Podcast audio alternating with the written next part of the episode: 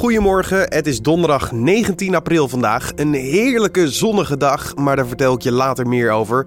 En in ieder geval, leuk dat je luistert naar een nieuwe Dit Wordt Het Nieuws podcast. Mijn naam is Carne van der Brink en ik praat je deze ochtend weer bij over het nieuws van afgelopen nacht. En natuurlijk ook het nieuws van vandaag. Met bijvoorbeeld aandacht voor hoe groot pesten is op de werkvloer. En we bespreken een liquidatiepogingzaak. Maar eerst kijken we kort terug naar het belangrijkste nieuws van afgelopen nacht. Ruimtevaartorganisatie NASA heeft de Transiting Exoplanet Survey Satellite, de TESS, gelanceerd. De TESS moet op zoek gaan naar zogeheten exoplaneten. Dat zijn planeten die draaien om andere sterren dan onze zon. De druk op Noord-Korea om zijn kernwapenprogramma te staken blijft hoog zolang de denuclearisatie nog geen feit is. Dat heeft Amerika en Japan laten weten. We moeten ervoor zorgen dat er een einde komt aan nucleaire wapens, ieder liter overal ter wereld. Zei de Amerikaanse president Donald Trump. En hij stelde ook dat hij graag met de Noord-Koreaanse leider Kim Jong-un om de tafel gaat zitten.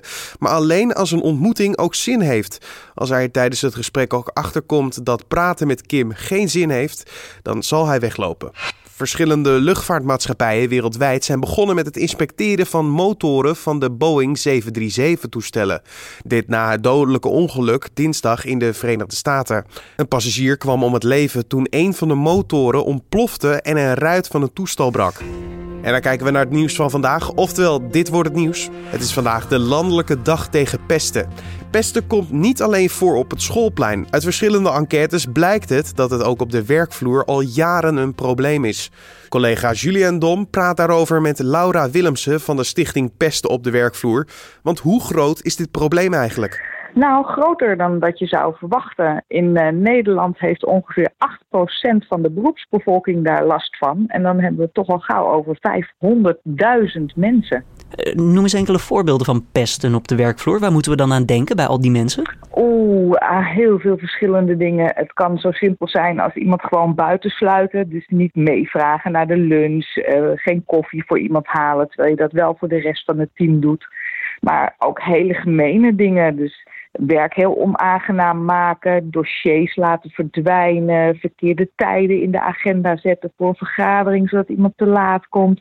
Je kan het zo gek niet verzinnen of we doen het elkaar wel aan. Kunnen we als volwassenen ja, ons niet gewoon weren tegen dit soort zaken? Van, zeggen we, ja, doe even normaal, hou ook voor mij een kop koffie dat verwacht je wel. En dat gebeurt soms ook. En wat we wel eens vergeten is dat een slachtoffer niet altijd een zielig persoon is die helemaal niet assertief is. Mm-hmm. Maar zelfs als je assertief bent en jij wordt gepest door de rest van de groep, dan ben je de hele dag bezig met jezelf verdedigen. Dus zelfs assertieve mensen kunnen wel degelijk ernstig last ondervinden van pesterijen.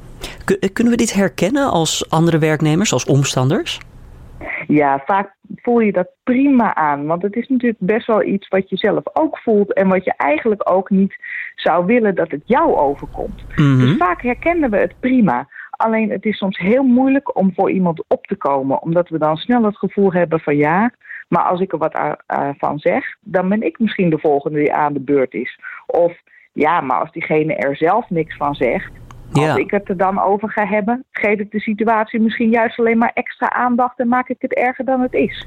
Het, het klinkt alsof er eigenlijk ook wel veel overeenkomsten zijn dan tussen pesten bij kinderen en pesten bij volwassenen. Klopt. Het gaat eigenlijk door tot in het bejaardentehuis en op de voetbalvereniging en in de buurt. Wij zijn helaas een, een soort die elkaar het leven eh, lang uh, zuur maken. Weten we waarom we dit doen eigenlijk? Is dit een soort van voel jezelf beter? Of is het om te lachen? Of ja... Nou, lachen, dat noemen we plagen. En dan is er gelukkig niks aan de hand. Want een leuke humor en uh, elkaar een beetje plagen, dat moet zeker kunnen. Maar op het moment dat het echt pesten wordt, dus dat steeds dezelfde doelwit is, uh, de pesterijen vooral een heel negatief karakter hebben, dan wordt het schadelijk. Ik zou zeggen van, nou, als omstander, als je het dan ziet, blijkbaar is dit heel herkenbaar uh, als het gebeurt, dan grijp je toch in, dan zeg je er toch wat van. Maar dat gebeurt niet genoeg als ik uw verhaal zo hoor. Klopt, onderzoek wijst uit dat maar 16% van ons het opneemt voor een slachtoffer. Dus dat is best wel heel erg weinig. En waarom zo weinig? Wordt er nog een, uh, ja, uh, is daar een reden voor? Hebben ze dat ook onderzocht toevallig? Ja, vooral angst dat jij de volgende bent. Ja, op het moment dat het normaal gedrag is binnen een team dat het oké is om iemand te pesten en dat het dus een pispaaltje in de groep is, mm-hmm. dan is dat een bepaalde norm. Dan vindt eigenlijk iedereen het op een gegeven moment normaal dat dat altijd met diegene gebeurt. Wat dus eigenlijk ook zou kunnen betekenen dat dat normaal zou kunnen worden voor jou. Dus ook voor omstanders is het vaak een heel onveilig gevoel. Je ziet ook in teams waar er gepest wordt, dat niet alleen een slachtoffer bijvoorbeeld vaker verzuimt van het werk, maar dat ook andere mensen, collega's, vaker verzuimen. Omdat als wij pestgedrag zien en het op die manier herkennen, het ook bij ons stresshormoon vrijmaakt. Dit klinkt alsof dit uh, heel veel geld kan kosten, ook op de werkvloer. Ja, het kost ontzettend veel uh, geld voor werkgevers in Nederland. Uh, het is ongeveer zo'n 2 miljard wat het uh, de werkgevers in Nederland kost, dit fenomeen. En dat zijn niet alleen extra ziektedagen, maar ook bijvoorbeeld verlies in productiviteit. slechter probleemoplossend vermogen. Want mensen zijn niet meer bezig met hun werk, maar zijn bezig met wat er aan de hand is. 2 miljard euro per jaar hebben we het dan over. Yep enorm bedrag. Ja, um, ja, dan nog eventjes, ja, door een collega gepest worden, nog tot daaraan toe. Maar gebeurt het ook bijvoorbeeld door de baas? Jazeker. In 50% van de gevallen maar liefst is de leidinggevende de dader. Wat kan je dan doen op zo'n moment? Ja, wat als de leidinggevende dit al doet? Dat is een hele lastige situatie. Want op het moment dat je leidinggevende is, vaak is dat degene juist waar je met problemen naartoe moet. En dat maakt het heel erg ingewikkeld. In zo'n geval uh, raden wij ook aan, kijken of er een vertrouwenspersoon uh, binnen het bedrijf is. Kijken of je samen met andere collega's die ook zien wat er gebeurt, een, een vuist kan maken en misschien kan overleggen met de OR of wellicht naar een andere leidinggevende kan stappen om je problemen toch kenbaar te maken. En stel je bent dan slachtoffer, ja, met welke instantie kan je dan zoal contact opnemen hierover?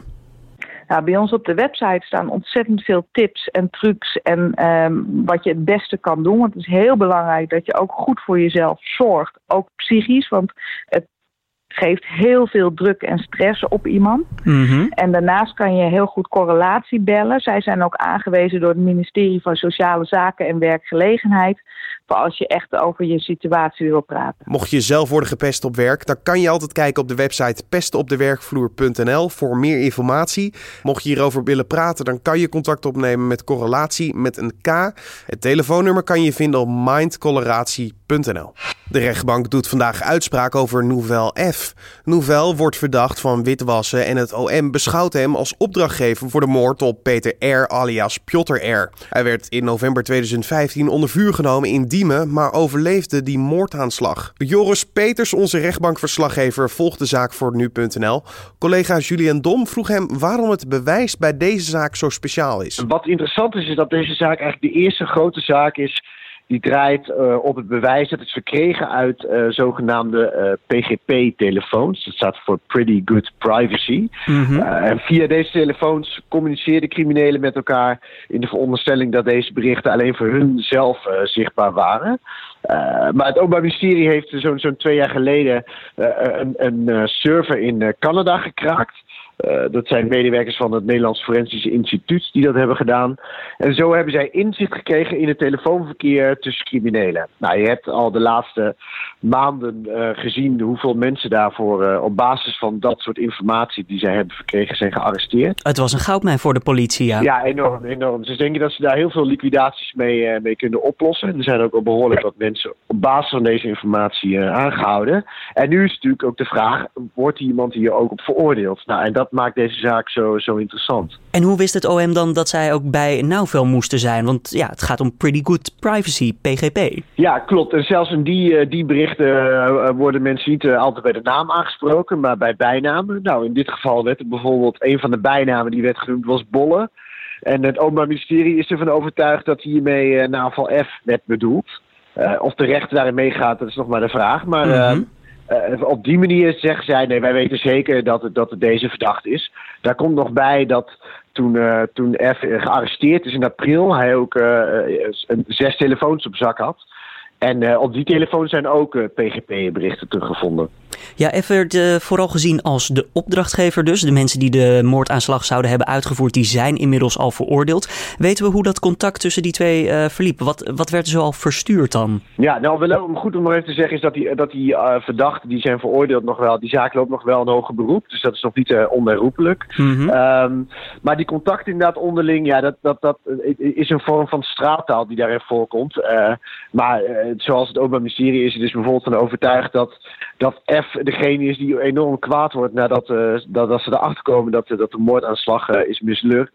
en dan wordt er gestuurd van die, die kankerhond had moeten liggen en of een bericht van de schutters aan uh, wat dan F zou moeten zijn van uh, we hebben hem gepopt, maar we weten niet zeker of hij slaapt. Nou ja, wat, wat gewoon betekent uh, we, hebben, we hebben hem neergeschoten, maar we weten niet zeker of hij overleden is.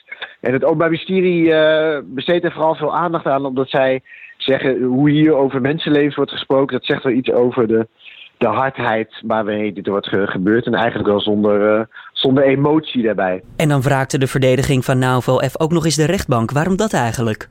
Nou, dat heeft eigenlijk ook weer te maken met het, met het inzichtelijkheid van die PGP-berichten. Uh, zij zegt dat zij daar zelf uh, niet goed toegang tot heeft gehad. Je moet dat zien dat de Openbaar Ministerie natuurlijk berichten heeft verzameld waarmee zij uh, kunnen aantonen, ik denk het te kunnen aantonen dat, dat F verantwoordelijk is. Ja. En, en de advocaat van, van, van de verdachte zegt. Ja, maar ik heb hier zelf geen inzicht in gehad. Misschien pakken zij alleen de berichten eruit die belastend zijn voor mijn cliënt. Uh, nou, de rechter ging daar niet in mee. Zij zei, zij zei dat zij genoeg kans heeft gehad om er hier zelf onderzoek naar te doen. Waarop zij dacht dat de rechtbank voor ingenomen was en uh, de rechtbank vraagde. Maar goed, dat verzoek is afgewezen. En uh, vandaar dat er, dat er vandaag gewoon uh, uitspraak gedaan kan worden. Ja, weten we of Nauvel F daar ook daadwerkelijk zelf bij aanwezig is? Nee, dat, dat, dat weet ik niet zeker. Ik, ik schat de kans niet zo heel uh, groot in. Hij was uh, de laatste zitting uh, ook afwezig. Toen deed, hij zijn mededeling deed hij schriftelijk af via zijn advocaat. Dus het zou mij. Uh, ik denk niet dat hij, dat hij vandaag uh, aanwezig is de, bij de zitting. Regenbankverslaggever Joris Peters hoorde je. En dit gebeurt er verder vandaag nog. De zittende 86-jarige Cubaanse leider Raúl Castro zal naar verwachting de macht overdragen aan de 57-jarige Miguel Díaz-Canel. Díaz-Canel is door de Nationale Assemblée van Cuba officieel voorgedragen als de opvolger van Castro, die na 10 jaar met pensioen gaan. Eigenlijk zou Castro al in februari vertrekken, de nasleep van orkaan Irma werd dit moment verschoven. Met Diaz-Canel krijgt Cuba voor het eerst sinds de jaren 60 een leider die niet voorkomt uit de Castro-familie. En dan kijken we waar onze collega's vandaag over schrijven.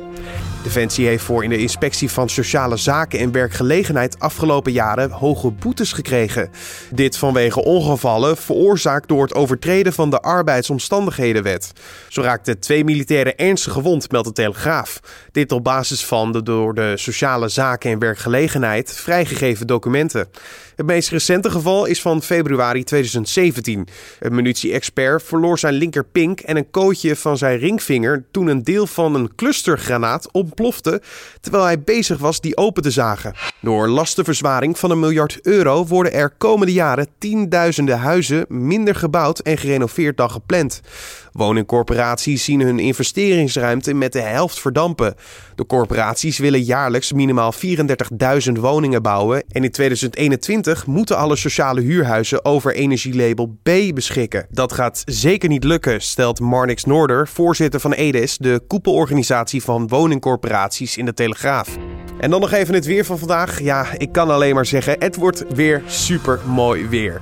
Gisteren werden al warmterecords verbroken. Vandaag gaan we er natuurlijk weer voor. De zon gaat volop schijnen en de temperatuur kan oplopen tot lokaal zelfs 30 graden in het zuiden.